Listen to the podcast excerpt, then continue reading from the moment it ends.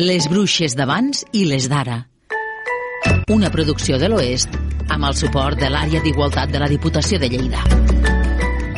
La Raquel París és nutricionista i està especialitzada en la salut hormonal de les dones. Si la voleu seguir, la trobareu al compte d'Instagram Raquel París Nutrició. La Raquel considera que les dones estem invisibilitzades en el món de la investigació científica, ja que no s'hi tenen del tot en compte les nostres diferències respecte als homes. Extrapolant-ho al seu terreny, ens diu que també hi ha força desconeixement pel que fa al comportament hormonal del cos femení i, com a conseqüència, a la nutrició més adequada per a nosaltres en cada moment o etapa de la nostra vida. Tot seguit, parlem amb ella en profunditat de tot això i de moltes més coses interessants que no us podeu perdre. Raquel París, eh, dietista i nutricionista especialitzada en la salut de la dona i la salut hormonal, més concretament. Benvinguda, què tal? Hola, Pili. Molt bé, moltes gràcies per convidar-me. Sí, moltes gràcies a tu per ser-hi, per, que, per tota la saviesa que ara ens transmetràs, perquè tu ets una dona jove i tot i així t'has especialitzat, especialitzat perdona, en salut hormonal de les dones. Per què? Com Exacte. és que vas tenir aquesta, doncs, aquestes ganes de eh, d'anar per aquest camí?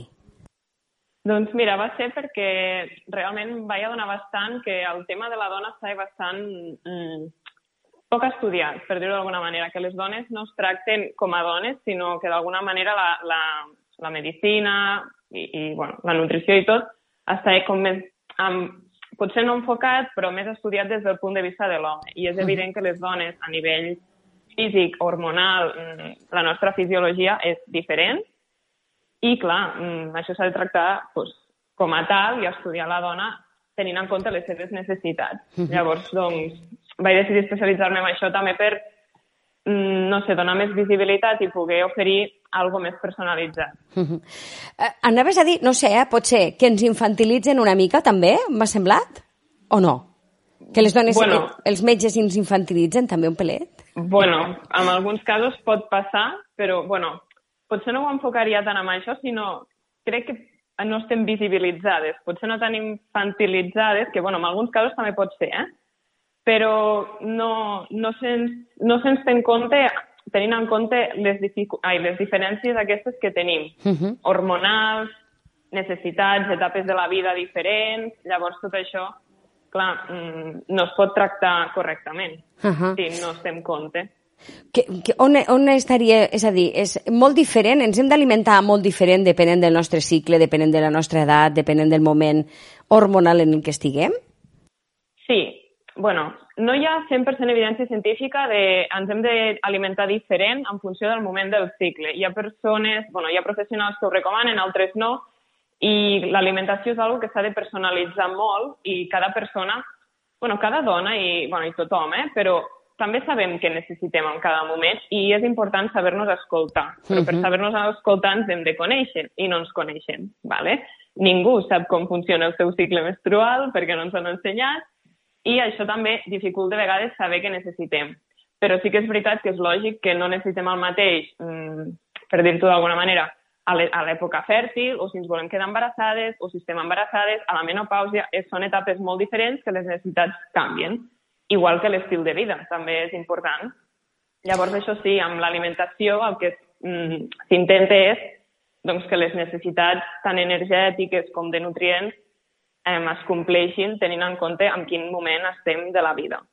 Doncs mira, una de les coses amb què han coincidit les dones que hem anat entrevistant mm. una de les coses que han coincidit és aquesta, que no ens coneixem. És a dir, l'autoconeixement, i més concretament l'autoconeixement de les dones, eh, és poquíssim, Totalment. ens coneixem poquíssim i realment és així. Eh, com, com funciona el nostre cicle menstrual, com funciona el nostre cicle hormonal i com ho vinculem això a l'alimentació? Raquel? Mira, doncs, bueno, és evident doncs, que no sé si bueno, tothom que ens escoltarà ho sap, però el primer dia del cicle és el primer dia de regla, que hi ha persones que es pensen que és mm, quan ens marxa la regla. Llavors, passada aquesta fase, podríem dir, passada la regla, podríem dir que ve com una mica el moment de que potser ens sentim més bé, ens veiem més bé, ens sentim potser més poderoses perquè hi ha un augment d'estrògens i això fa, doncs, bueno, que ens sentim més bé, ¿vale? Al mitjans del cicle ovulem, que és com el moment clau important, que no se li dona importància, ¿vale? creiem que, que el signe vital, bueno, no sé si ho creiem, però moltes persones pensen que el signe de tenir un bon cicle menstrual és tenir la regla i sagna. I no, el signe vital és ovular. I la gent, molts metges inclús, bueno, metges, metges, uh mhm. -huh. molts professionals de la salut pensen que mentre sagni tot està correcte. No, lo important és ovular, perquè podem sagnar i no ovular, que això és el que passa quan prenem un mètode anticonceptiu, ah. que, que no ovulem realment. I això no és bo pel nostre cos? Mm, bueno, s'hauria de valorar cada cas, és a dir, els mètodes anticonceptius, com a mètode anticonceptiu com a tal, tu com a dona i totalment informada del que t'estàs prenent i per què està molt bé, però eh, quan és amb un objectiu de regular el cicle menstrual o de tractar un desequilibri hormonal, no és el més adequat. Primer s'ha de tractar la causa. Uh -huh. I com a última opció, sí. donar algun mètode hormonal, anticonceptiu, el que sigui. Però sempre com a última opció, no com a primera, com s'està fent fins ara. D'acord. Uh, quantes bueno, preguntes que... em venen. Vale. I què, vale, i què? acabo d'explicar lo del sí, cicle. Sí, sisplau. No, perquè... bueno, en fi, que um, al, al mig cicle, diguéssim, que ho volem, i a partir d'aquí, si ho volem correctament, hi ha un augment de, de la progesterona, que és una hormona que en cas de que ens quedem embarassades, d'alguna manera, bueno, ens augmenta la temperatura corporal i d'alguna manera faria doncs, que pogués sobreviure el, diguéssim, l'òvul i l'espermatozoide fecundat fins que no es forme la placenta i tot. Vale? Seria com una hormona que ajuda amb aquest procés, però si no ens quedem embarassades, al cap doncs, aproximadament en 15 dies, 14-15 dies, parlant d'un cicle ideal, eh? Vull dir, això cada persona és un món. Doncs baixaria aquesta progesterona i sagnaríem i tornem a començar. Uh -huh. Seria una mica així el com aniria el cicle menstrual. I què passa quan ja no ho volem perquè, per, perquè ja no menstruem, perquè mm, doncs ja estem a la menopausa? Vale. Sí. Bueno, doncs hi ha com aquesta baixada dels estrògens, que és el que sol provocar doncs, aquests símptomes que moltes dones pateixen, que no és una patologia. És a dir, la menopàusia no és una patologia, que ja, bueno, a vegades es tracta com a tal, simplement és la són símptomes conseqüència d'aquesta aquest, baixada d'estrògens com a procés natural del cos, perquè, clar, hem de pensar que no podríem procrear tota la vida, perquè no podem, no tenim l'energia amb 80 anys, imagineu-vos que encara poguéssim tenir fills, no, no seria el més adequat. Llavors és un procés normal de la naturalesa que, que sempre es viu com des d'un punt molt negatiu, perquè crec que socialment no està acceptat, canvia el cos... bueno, canvia el cos d'una forma que a nivell de societat no s'accepta. I a part doncs, de, bueno, aquests sí, símptomes que moltes dones realment ho passen malament, però és un procés que s'ha de fer igual que tots els animals fan com a bueno, procés de vida o com li vulgueu dir. Uh mhm. -huh. I, I escolta, i tu com t'especialitzes en nutrició i salut hormonal? Mm? No, no crec que hi hagi cap com, especialitat. Ah, com, com ah, sí, com ho fas? Bueno, és a dir, perquè al sí. final, no? Aquí es barregen sí. moltes coses i no hi ha uns estudis concrets que parlen d'això. Aquí és una barreja de moltes coses, no? Exacte, sí, bueno, simplement, ara sí que cada cop estan sortint més màsters, més cursos, que al final és el que he fet jo. Un cop vaig acabar la carrera de nutrició, em vaig a fer un màster especialitzat en això, i sí que és veritat que, per sort, cada cop hi ha més estudis mm, científics enfocats en aquest tema. Però, bueno, estem començant, s'ha d'estudiar molt més, però, bueno, s'ha de dir que anem millorant. O sigui que hi ha oportunitats. Si algú que està escoltant això es vol especialitzar, hi ha formacions sí. eh, vàlides i, i molt bones que, que, que poden servir. Sí, sí. D'acord. Eh, en, eh, estem menstruant i tenim el cicle doncs, menstrual que ens has explicat. Ens hem d'alimentar diferent en cada, en cada moment, des del dia 1, quan ens ve la regla, a quan tenim la progesterona o quan estem ovulant, etc. Sí, bueno, ja pot haver petites variacions, és el que he dit abans. Igual això amb una a algú li va bé i amb algú no. Però bueno, el que seria més, mm, el que s'explica més així teòric, em, podríem dir que tolerem millor el que és hidrats de carboni, que seria pues, pasta, pa, arròs, quinoa, patata, la primera fase del cicle, és a dir, entre la regla i l'ovulació, els primers 15 dies, i passats aquests 15 dies podríem dir que tolerem millor els greixos, mm, fruits secs, albocat, mm, oli d'oliva, coco, el que, bueno, tot això. Vale? Llavors, sí que a vegades s'intenta enfocar l'alimentació tenint en compte doncs, aquestes dues fases, que és com que el nostre cos ho utilitza millor. Vale? Quan dic que tolerem millor és que ho utilitzem millor. També és veritat que hem de tindre super en compte que hem de menjar greixos, perquè moltes dones i molta publicitat, sí, segurament hi pensareu, però eh, tots els iogurts light, eh, tot el desnatat està enfocat a la dona. Tot rosa, bueno, el màrqueting, ¿vale? Uh -huh. I això és, podríem dir que és un suïcidi per la nostra salut hormonal, perquè necessitem totes aquestes hormones que us he parlat abans, fa falta que hi hagi eh, greixos. Hem de menjar greixos i un d'ells és el colesterol, que tanta por li tenim. pues no, necessitem colesterol. Vale? I aquí faig una crida que deixeu de comprar coses desnatades, si us plau, perquè, perquè no, no tenen gust a res, no atipen de res. Millor que us mengeu els làctics, o sí, làctics normalment és lo desnatat, sencer i albocat, oli d'oliva, fruits secs, no tingueu por, vale? perquè se'ns ha ficat molta por i això provoca molts desequilibris hormonals. Que interessant, molt, molt interessant tot això que ens estàs explicant. Um, clar, tindria moltes preguntes, però ja serien tan concretes que el que farem serà un altre dia convidar-te, perquè... Vale, una, sí, perquè ens parli... per, dona per molt, sí, aquest sí, tema. Sí, eh, dius que no creus en la nutrició de la por. No, per a res. A què et refereixes, això de la nutrició de la por? És això que dius, no mengis això que és dolent per la salut? Exacte. Seria això? Sí, una mica a mi no m'agrada que la gent vingui a la consulta i em digui és que em fotràs la bronca, em renyaràs. No, jo no et renyaré. És a dir, uh, no sóc un policia. I dos, jo no sóc ningú per renyar-te. És a dir, jo sóc una persona que t'ensenya, que et dona eines, que, que t'ajuda a conèixer i tu després, com sempre dic a, a les meves pacients, eh, jo us dono les cartes i vosaltres les jugueu. Vale?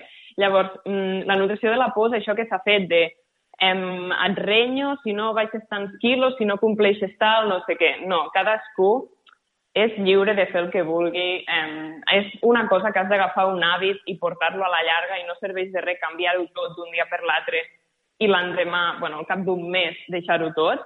Llavors, ha de ser algo en positiu, no des de la por ni autoimposat. Vull dir, jo crec que amb la nutrició, pues, no sé, més em, compassiva. més compassiva. Més Sí. compassius també amb nosaltres mateixos i aquí podríem Total. llegar una mica a aquest autoconeixement, no? No ser Exacte. tan rígids que a Totalment. vegades ho som i després tenim allò de la culpa, sobretot les dones, Exacte. no? Totalment, o sigui, totalment, totalment. Vull dir, no hauríem de tindre mai culpa de menjar, perquè és una necessitat.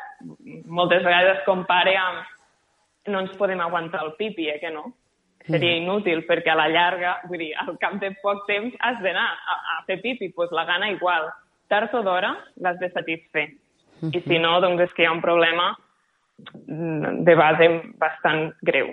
Uh -huh. Dius que no es, tracta, no es tracta de menjar menys, sinó fer-ho millor, no?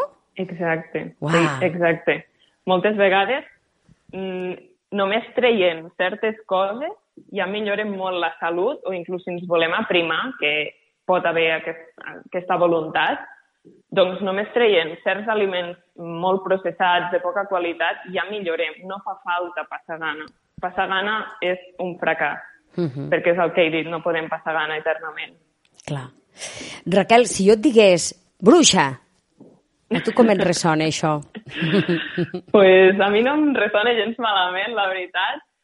A mi aquest concepte podria dir que em, em connecta com molt amb, amb, la amb la intuïció, és a dir, amb el que he dit de aquesta coneixença, la nostra naturalesa, els nostres instints, que crec que com a societat en general els tenim superanul·lats, perquè vivim entre ciment i potser hauríem d'estar més en contacte amb la natura, escoltar-nos més, no viure tan a tope com sempre anem, i a mi, em, no sé, em ressona amb, amb aquest, bueno, això, amb la nostra part més instintiva, potser.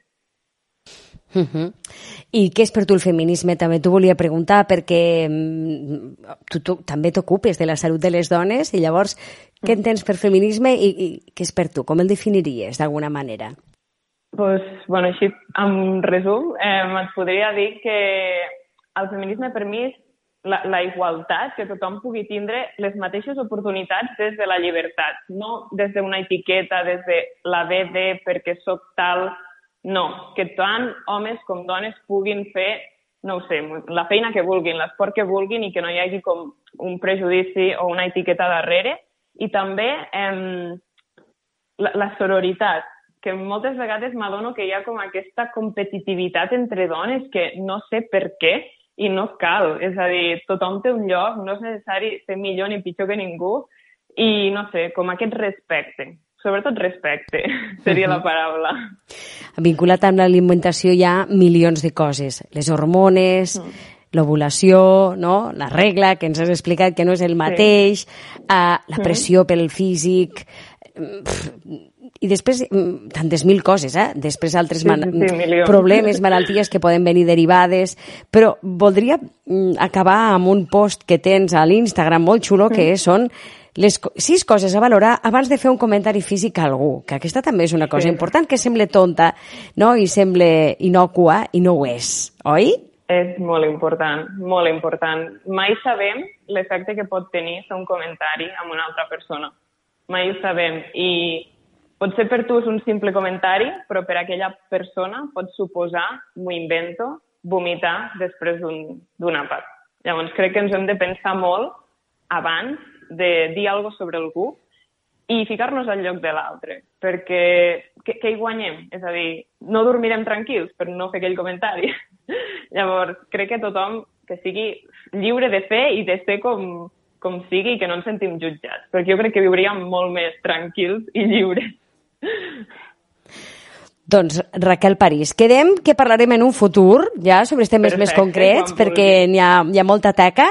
En qualsevol cas, et podem seguir a Instagram on veurem moltíssimes coses i farem una idea de tot allò profundo que tens, eh? com va l'alimentació va lligada a moltíssimes coses. Eh, sí, et busquem a Raquel París Nutrició, així, eh? Sense cap accent. Exacte, sí, sí, sí. Raquel així, París així. Nutrició. Raquel, ha estat un plaer. Moltíssimes gràcies per estar amb nosaltres i molta sort. Fins aviat. Moltes gràcies. Adeu. Les bruixes d'abans i les d'ara.